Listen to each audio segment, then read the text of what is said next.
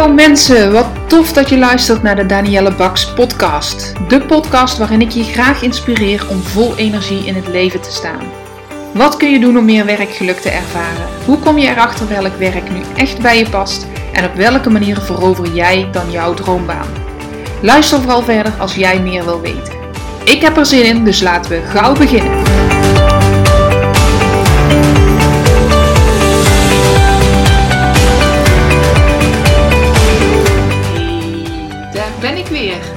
Is inmiddels twee weken geleden dat ik mijn laatste podcast opnam. En ik ben heel erg druk geweest. Nu ja, zeg ik dit niet om aan jouw verantwoording af te leggen waarom ik geen podcast heb opgenomen, want dat hoeft natuurlijk helemaal niet. Maar ik zeg dat omdat ik druk ben geweest met toffe dingen, onder andere ook iets tofs voor de podcast. Ik heb namelijk een aantal mensen gesproken waarmee ik in de hele snelle toekomst samen een podcast ga opnemen. Dus die ga jij hier horen. En over een van de mensen kan ik wellicht al wat zeggen. Ja. Het is Marije Wielinga. Zij is mijn business buddy. Wij uh, volgen, zitten in hetzelfde uh, business coachingsprogramma. En um, één keer in de twee weken ongeveer hebben wij een afspraak via Zoom om te kijken waar ben je mee bezig en waar loop je tegenaan. En uh, om elkaar te inspireren, te adviseren, echt om buddies te zijn. Want ja, als je ondernemer bent, dan uh, heb je een hele hoop mensen in je omgeving die niet ondernemer zijn. Dus je kunt toch niet met iedereen, ik kan dat niet met iedereen, uh, ja, daar lekker over praten, zeg maar. Dus ja, het is echt uh, super leuk met Marije. We inspireren elkaar heel erg en er kwam dus ook ter sprake dat ik graag met haar een podcast op wil nemen. Want wat doet Marije? Marije geeft trainingen in presenteren, stralend presenteren. En nadat zij zelf een uh, Nederlands kampioenschap won in 2017, ja, werd voor haar eigenlijk duidelijk dat zij meer mensen wilde leren om stralend te presenteren enorm tof. Ik heb van de week haar nieuwe programma mogen zien en ik word daar heel erg blij van. En dan denk je misschien, ja, wat hebben wij daaraan? Hè? Wat heb ik daaraan als luisteraar van jouw podcast als iemand iets vertelt over stralend presenteren? Nou, ik zie daar zeker wel overeenkomsten.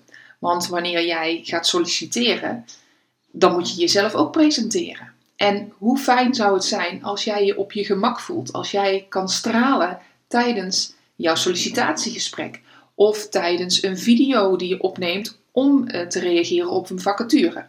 Nou, zulke onderwerpen mag je verwachten dat wij gaan bespreken. We gaan gewoon een, uh, over twee weken zitten we in Limburg. Uh, dan gaan we met elkaar gewoon een leuk gesprek voeren en dat ga ik opnemen voor de podcast. Dus ik heb er heel veel zin in en ik denk dat het enorm tof zal zijn. Dus hou mijn podcast uh, in de gaten. Je kunt ze natuurlijk ook op mij op Instagram volgen of op uh, Facebook of LinkedIn. Allemaal te vinden onder Danielle Baks Coaching. En, um, en Baks is met een X, B-A-X.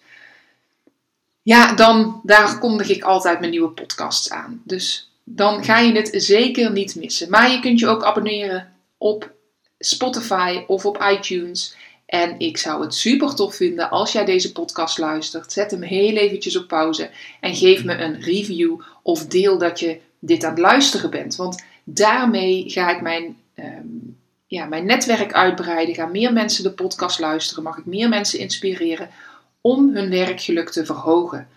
En ik ben sinds februari bezig. Dit is de vijftiende podcast. En ik keek van de week even naar de cijfers. En dat zijn alleen de cijfers van Spotify. Dus dan weet ik nog niet hoeveel mensen er op mijn website hebben geluisterd. Die heb ik er niet bij geteld. Ook van iTunes heb ik er niet bij geteld. Maar lieve mensen, al 300 keer is mijn podcast beluisterd. En dat vond ik zo enorm veel. Ik dacht, wow, gaaf. Eh, maar dat mogen er voor mij ook 3000 of of, of 30.000 worden. Dus ik, ja, daar heb ik echt jou voor nodig. Mijn podcast kan alleen maar groeien en alleen maar meer mensen kunnen daar uh, weet van hebben als jij als luisteraar ook voor mij wil delen of een review wil schrijven. Ik ben je enorm dankbaar. Nou, vandaag ga ik iets heel anders met jullie bespreken en ik wil een stukje van mijn verhaal vertellen um, van inmiddels een jaar of twaalf geleden. En ik denk dat daar heel veel inspiratie en inzichten in zitten, ook voor jou, met jouw loopbaan en hoe je dat aanpakt. Want eh, twaalf jaar geleden, het was uh, eh, 2008, ik was 24 jaar, begon ik aan, een, uh, aan mijn deeltijdstudie. Ik had uh, al een aantal jaren gewerkt. Ik kwam net terug van Amerika, waar ik als au pair heb gezeten voor negen maanden. Enorm tof. Maar ja, toen ik wist dat ik weer terug zou gaan, ik mocht gewoon terugkomen in de kinderopvang waar ik toen werkte. Ze hadden mijn plekje, mijn lieve bazin had mijn plekje vrijgehouden. En dat vond ik ook wel leuk, want ik, het was zeker nog heel leuk, erg leuk werk. Maar ik wist gewoon, ja, de uitdaging is daaruit weg. En ehm, ik word onvoldoende uitgedaagd, er zit meer in mijn mars. Dus ik begon aan uh, een vierjarige deeltijdstudie maatschappelijk werk en dienstverlening. Ik werkte het eerste jaar tijdens de propenduizen nog gewoon in de kinderopvang en een jaar later moest ik op zoek naar een passende baan, een relevante baan voor die opleiding, om uh, ja, een stageplek, om, om, om praktijkuren te, uh, te doen. En ik moest minimaal 16 uur werken. Werken of stage. Maar stage was voor mij eigenlijk geen optie. Ik woonde al zelfstandig. Ik uh, had gewoon al mijn vaste lasten. Ik was vrijgezel, dus ik genoot van mijn leven. Niet dat je dat als, uh, als je relatie hebt niet kan doen, maar ik ging veel met vriendinnen weg. Ik ging veel uh, op stap, uit eten, dagjes weg, op vakantie. Dus ja, dat was niet bepaald gratis. En ik had geen idee hoe ik het vinden van die relevante baan moest aanpakken. Want ik had geen relevante ervaring, geen relevante werkervaring, aangezien ik dus nog studeerde. Ik had alleen ervaring in de kinderopvang. En hoewel dat ook ervaring, werkervaring is, als maatschappelijk werk- en dienstverlener, um, zit je meer in de problemensector, om het zo maar te zeggen. Dus in de zorgsector waar mensen komen die ergens tegenaan lopen. En dat kan, um, dat kan kortdurend zijn, maar dat kan ook langdurend zijn. Dus ik dacht, ja, ik moet toch echt wel relevante werkervaring hebben. En dat is dus werkervaring in deze sector. Want ik wil een betaalde baan en geen stagebaan.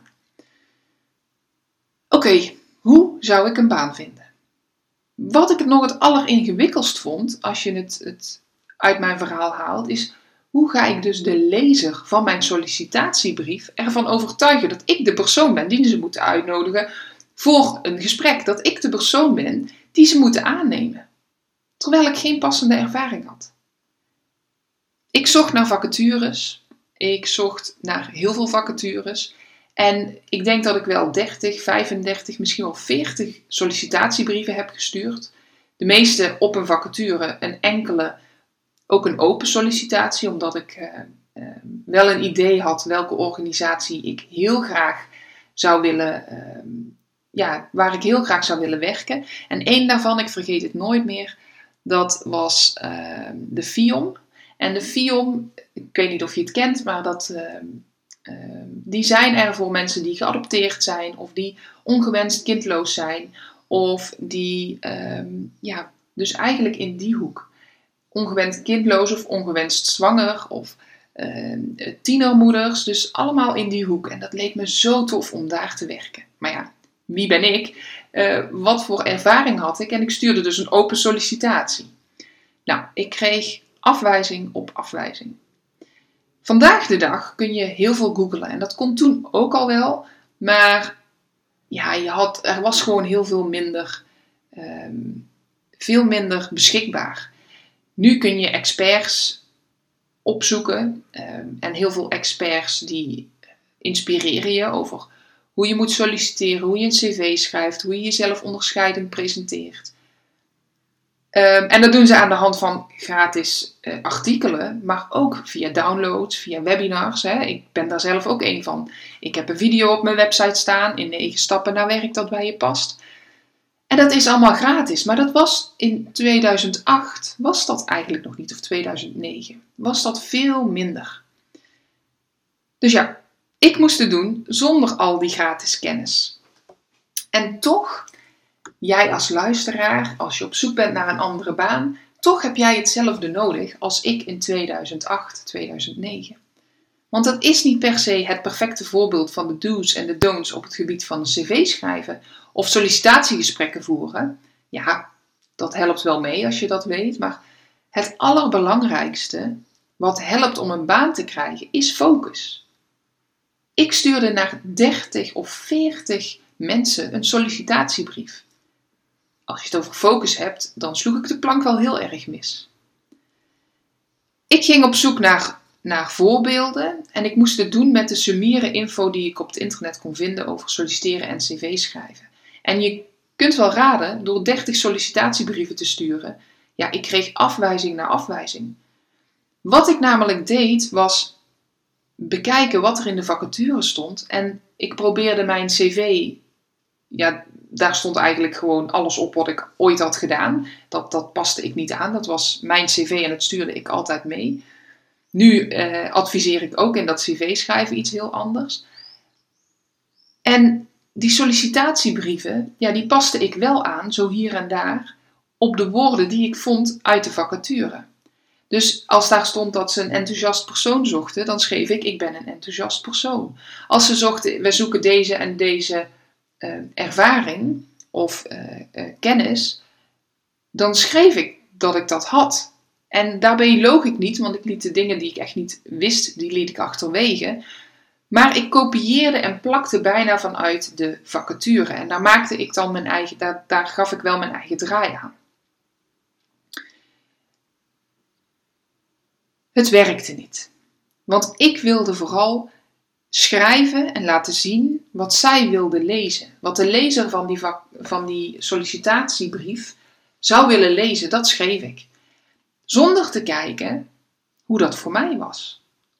Zonder te kijken hoe ik mijn persoonlijkheid daarin naar voren kon krijgen. Het had dus allemaal geen effect, totdat ik begreep: hey, ik mag mezelf presenteren zoals ik ben. Ik hoef mezelf helemaal niet te verkopen en voor te doen als iets wat ik niet ben. Ik mag mezelf ja, gewoon zijn zoals ik ben, ook op mijn werk. Ik mag de focus vinden vanuit mijn eigen talenten die ik wel heb, vanuit de werkervaring die ik wel heb. Ik mag gaan staan voor wie ik ben en wat ik denk dat ik te bieden heb op die, op die vacature. Want ik had dan misschien geen relevante werkervaring in precies de taken die zij van mij vroegen, maar ik had zeker wel werkervaring. En mijn reis naar Amerika, dat had mij ook heel veel gebracht. Daaruit kon ik ideeën putten, daaruit kon ik werkervaring beschrijven, situaties beschrijven, waaruit bleek dat ik wel degelijk over de competenties en de vaardigheden beschikte die zij vroegen in de vacature. Ik mocht laten zien uit welk hout ik gesneden ben. Ik mag laten zien dat ik vertrouw op mezelf zoals ik ben. Iedereen is begonnen zonder relevante werkervaring. Nou, wat deed ik? Ik verdiepte me in de werk- en de levenservaring die ik dus wel had en die relevant was op de vacature waarop ik reageerde. En wat mij het meeste hielp, was focus aanbrengen in wat ik wilde en waarom ik dat wilde. Een motivatiebrief. Wat maakte de vacature voor mij interessant en hoe dacht ik een oplossing te kunnen zijn voor die ander? Ik was een onbeschreven blad. Ze konden mij nog kneden zoals ze wilden. Ik studeerde nog, dus ik denk dat ze ook wel ehm, een andere uh, vergoeding voor mij betaalden. Ik was heel leergierig. Ik had een, um, een, een, een, hoe noem ik het? Ik kwam heel onbevooroordeeld binnen. Alles wat ik in, op school leerde, wilde ik in de praktijk brengen. Ik was flexibel, ik had nog geen kinderen, ik had geen relatie. Ik ging mezelf niet meer presenteren zoals ik dacht dat het moest zijn, maar ik ging mijn eigen weg. Ik wilde me presenteren zoals ik was. En natuurlijk, dat is super spannend, want het enige wat je wil is uitgekozen worden. En je wil dat ze jou goed vinden. En dat is nu nog steeds. Maar er shifte wel zeker iets in mijn mindset. Als ik gewoon mezelf mag zijn en zij vinden me niet goed genoeg, dan is het ook niet goed genoeg. Want Anders ga ik de lat veel te hoog leggen voor mezelf. ik vond dat ik als persoon prima was. Dat ik als persoon genoeg te bieden had. Het was misschien niet die relevante werkervaring, maar ik had wel allerlei andere ervaring. Nou, dit is wat ik jou ook toewens. Of je nu wel of niet die relevante werkervaring hebt, zie jezelf zoals je mag zijn. En presenteer jezelf zo ook. Niemand heeft er iets aan. Je houdt, je houdt alleen maar jezelf en de ander voor de gek. Als jij je beter voordoet dan dat je bent. Als jij met knikkende knieën iets opschrijft wat niet helemaal bij je past. Als jij je anders voordoet dan dat je bent. Dus ik hoop dat je die focus vindt door vanuit jezelf te kijken naar wat goed is voor jou. Zodat jij erachter komt waar jij blij en gelukkig van wordt. Want jij, door jezelf te zijn, trek jij ook die baan aan die echt bij je past. Er komen best wel vaak mensen bij mij die ehm, dan de vraag hebben: ja, ik wil totaal iets anders gaan doen. Ik weet niet wat ik wil. En wanneer het dan duidelijker wordt wat ze zouden willen, en stiekem van binnen weten ze dat vaak al lang, dan ehm, is de eerste vraag, de eerste belemmerende gedachte die bij ze opkomt: ja, dat kan wel zo zijn dat ik dat het leukste vind, maar dan moet ik eerst nog een opleiding volgen. Of dan moet ik eerst nog een training doen. Of dan moet ik eerst nog werkervaring opdoen, want anders wordt het niks. In sommige gevallen zal dat echt zo zijn. Maar in heel veel gevallen, vooral tegenwoordig in een andere markt die er is, een andere arbeidsmarkt die er nu is, het wordt steeds belangrijker. Weet je, we gaan eigenlijk van een markt, een arbeidsmarkt, die is jarenlang zo geweest dat we functies hadden. je was buschauffeur en als je buschauffeur was, dan had je deze, deze, deze, deze, deze, deze, deze taken. En je moest deze opleiding hebben en dat was het dan. Er werd niet gekeken naar het type persoon dat jij was. Tegenwoordig, en dat zal in de toekomst alleen nog maar meer worden, hebben we functies, zijn er zoveel functies bijgekomen. Zijn er zoveel nieuwe functies, omdat in het bedrijfsleven wordt er gemerkt, ja, eigenlijk hebben we iemand nodig die dit en dit en dit doet. Maar daar hebben we geen functie voor. Dus men maakt nieuwe functies. En die functies die krijgen een naam, maar vaak zegt die naam je niks, omdat de taken die iemand doet, die, uh, ja, die zijn heel divers. En bij de een, het ene bedrijf heet het zus en bij het andere bedrijf heet het zo. Omdat er dus nieuwe functies komen die meer gebaseerd zijn op een bepaald takenpakket. Dus eigenlijk zegt het takenpakket: dit is een samenstelling van dingen die we nodig hebben en daar zoeken we iemand bij. En ja, daar moeten we nou eenmaal een naam aan geven. Dus snap je het verschil? Het is niet meer zo, zo vast, het is uh, dynamisch. De functies die er tegenwoordig zijn, zijn veel dynamischer. Je herkent het vast wel. Kijk maar eens naar je takenpakket wat je nu hebt of wat je voor de laatste keer had. Wat deed je daar eigenlijk echt van? En wat staat er niet bij wat je ook allemaal deed? Jouw werk is dynamischer. Het is meer een bundeling van taken dan dat het echt een functie is. Ehm, dus ja, dan komen mensen bij mij en ze zeggen: Ja, zoiets zou ik het liefste doen. Maar ja, dat kan niet, want daar heb ik de werkervaring niet voor. Dat is dus ook niet meer zo belangrijk. Het is veel belangrijker dat jij aantoont dat jij kan wat je kunt. Dat jij een oplossing bent voor die taken.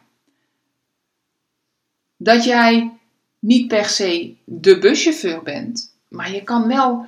Ja, buschauffeur is in dit geval misschien niet, uh, niet een heel goed voorbeeld, want een buschauffeur zal over het algemeen echt buschauffeur taken hebben. Maar vooral in het bedrijfsleven en ehm, je, hebt, je hebt taken die, die, die van alles kunnen zijn.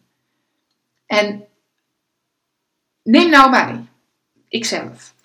Ik uh, heb in de kinderopvang gewerkt en daarna, want dat, dat heb ik niet eens verteld, ik ging dus solliciteren en ik uh, solliciteerde voor een uh, begeleidersfunctie in de dag- en nachtopvang voor uh, dakloze verslaafden. Nou, van kinderopvang naar opvang voor verslaafde volwassenen. Het was heel iets anders, maar ik dacht, ja, het lijkt me heel tof om dat te doen om iets voor die mensen te kunnen betekenen, maar ook wel heel spannend. Want eerlijk gezegd dacht ik van mezelf ook, ja, Het moet nog maar blijken of ik dat kan. Maar ik dacht, jawel, ik kan dat. Want wat is hetgeen waar ik goed in ben? Ik kijk naar mensen altijd als gelijken. Of jij nou een verslaving hebt of wat dan ook, ik kijk altijd naar wat is er, wat heb je nog meer, wat zijn jouw goede kanten.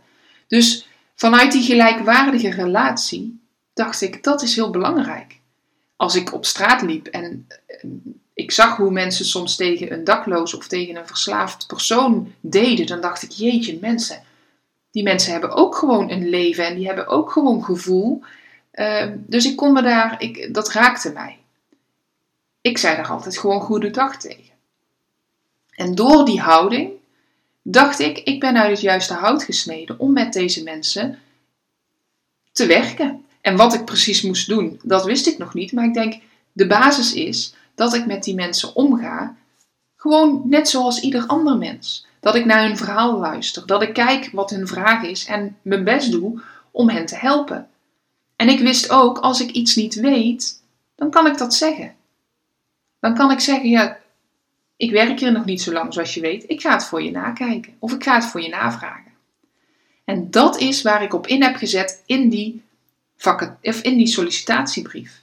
Ik mocht op gesprek komen en ik werd aangenomen. Men was gecharmeerd van de houding die ik had. En ik vond het heel spannend de eerste dagen, maar ik mocht met iemand meelopen, dus dat kwam allemaal wel goed. En ik heb regelmatig gehoord van mijn cliënten dat ze het zo op prijs stelden dat ik hen behandelde als een gelijke. Want ook onder mijn collega's waren er mensen die dat absoluut niet deden. En die vonden, je moet maar naar mij luisteren, want ik zeg hier, ik, ik deel hier de lakens uit. Ik kon daar heel slecht tegen. Dus ondanks dat ik dus niet de relevante werkervaring had, had ik wel een bepaald.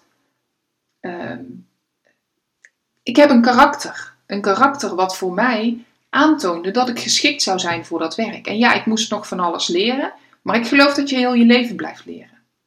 En dat kan jij ook doen. En dat adviseer ik dus ook de klanten die bij mij komen, die een idee hebben van wat ze wel willen en dan zeggen: Ja, maar daar heb ik nog geen ervaring in. Dan zeg ik: Je hebt wel ervaring. Je hebt levenservaring. Je hebt werkervaring. En in jouw werkervaring zitten vast ook kleine deeltjes, zitten vast ook facetten waarmee jij kan aantonen dat jij over de juiste kwaliteiten beschikt om de kans te krijgen om dit werk te gaan doen. Jouw karakter geeft jou stukjes ehm, waarin je goed bent. Dus vanuit jouw karakter kan jij dingen goed. Ben jij georganiseerd? Ben jij, heb jij structuur? Dan komt dat ten goede aan een hele hoop functies. Jouw doorzettingsvermogen komt ten goede aan een hele hoop functies. Jouw actiegerichtheid of resultaatgerichtheid komt ten goede aan een hele hoop functies. En daar kom jij een heel eind mee, want dat is wie jij in, in essentie bent. Dat is jouw blauwdruk. Dat kun jij bijna niet veranderen. Wat jouw talent is en wat in jou zit, in jouw karakter, kan jij niet veranderen. Vaardigheden daarentegen, die kun je veranderen, die kun je aanleren. Dan moet het wel jouw interesse zijn, anders zal je daar heel veel moeite voor moeten doen.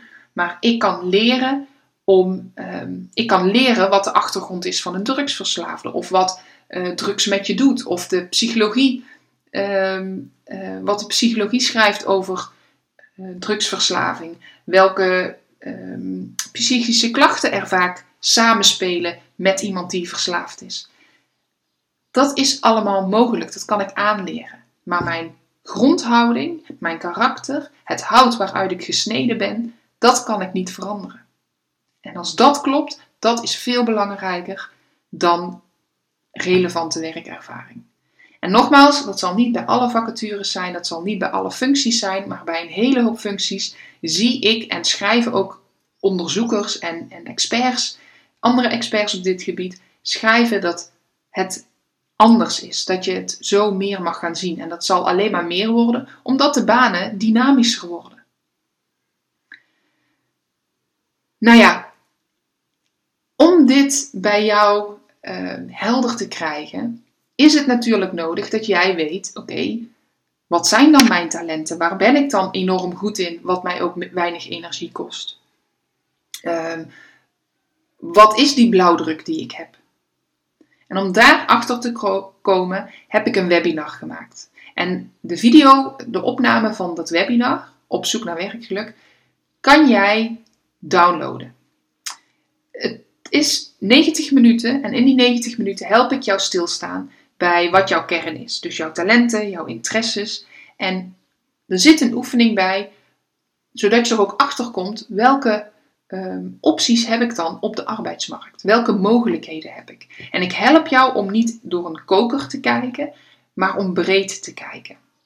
Ik help jou te denken in mogelijkheden en functies voor jouw arbeidsmarkt, zodat je ja, eigenlijk gericht en met resultaten in actie komt om die stap in jouw loopbaan te maken. Mocht je daar interesse in hebben, stuur me dan even een berichtje. Dan stuur ik het webinar naar je toe. En ehm, ja, daar kun je gewoon keer op keer naar kijken. En je zult merken dat je in zo'n webinar ook iedere keer iets anders ziet. Ik hoop dat deze podcast jou weer heeft geïnspireerd. Geïnspireerd om anders naar jezelf te kijken en om anders te kijken naar ehm, ja, hoe je kan reageren op een vacature en wat je in een motivatiebrief schrijft. Mocht je daar nou meer van willen weten, neem contact met mij op. Dan uh, help ik je graag in een uh, kennismakingsgesprek. Dat is vrijblijvend via de telefoon. En merken we dan dat we een laagje dieper mogen gaan, dan plannen we een intakegesprek. En ook na dat intakegesprek heb jij nog alle kans om ehm, te kijken wat bij jou past. Maar ik hoor graag jouw verhaal. Dus laat het me weten. En ik wens jou een hele fijne dag. Tot de volgende keer.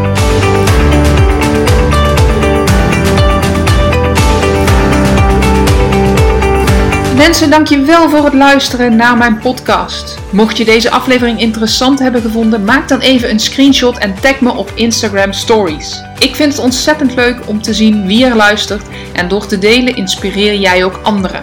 Hartstikke bedankt alvast en tot de volgende keer.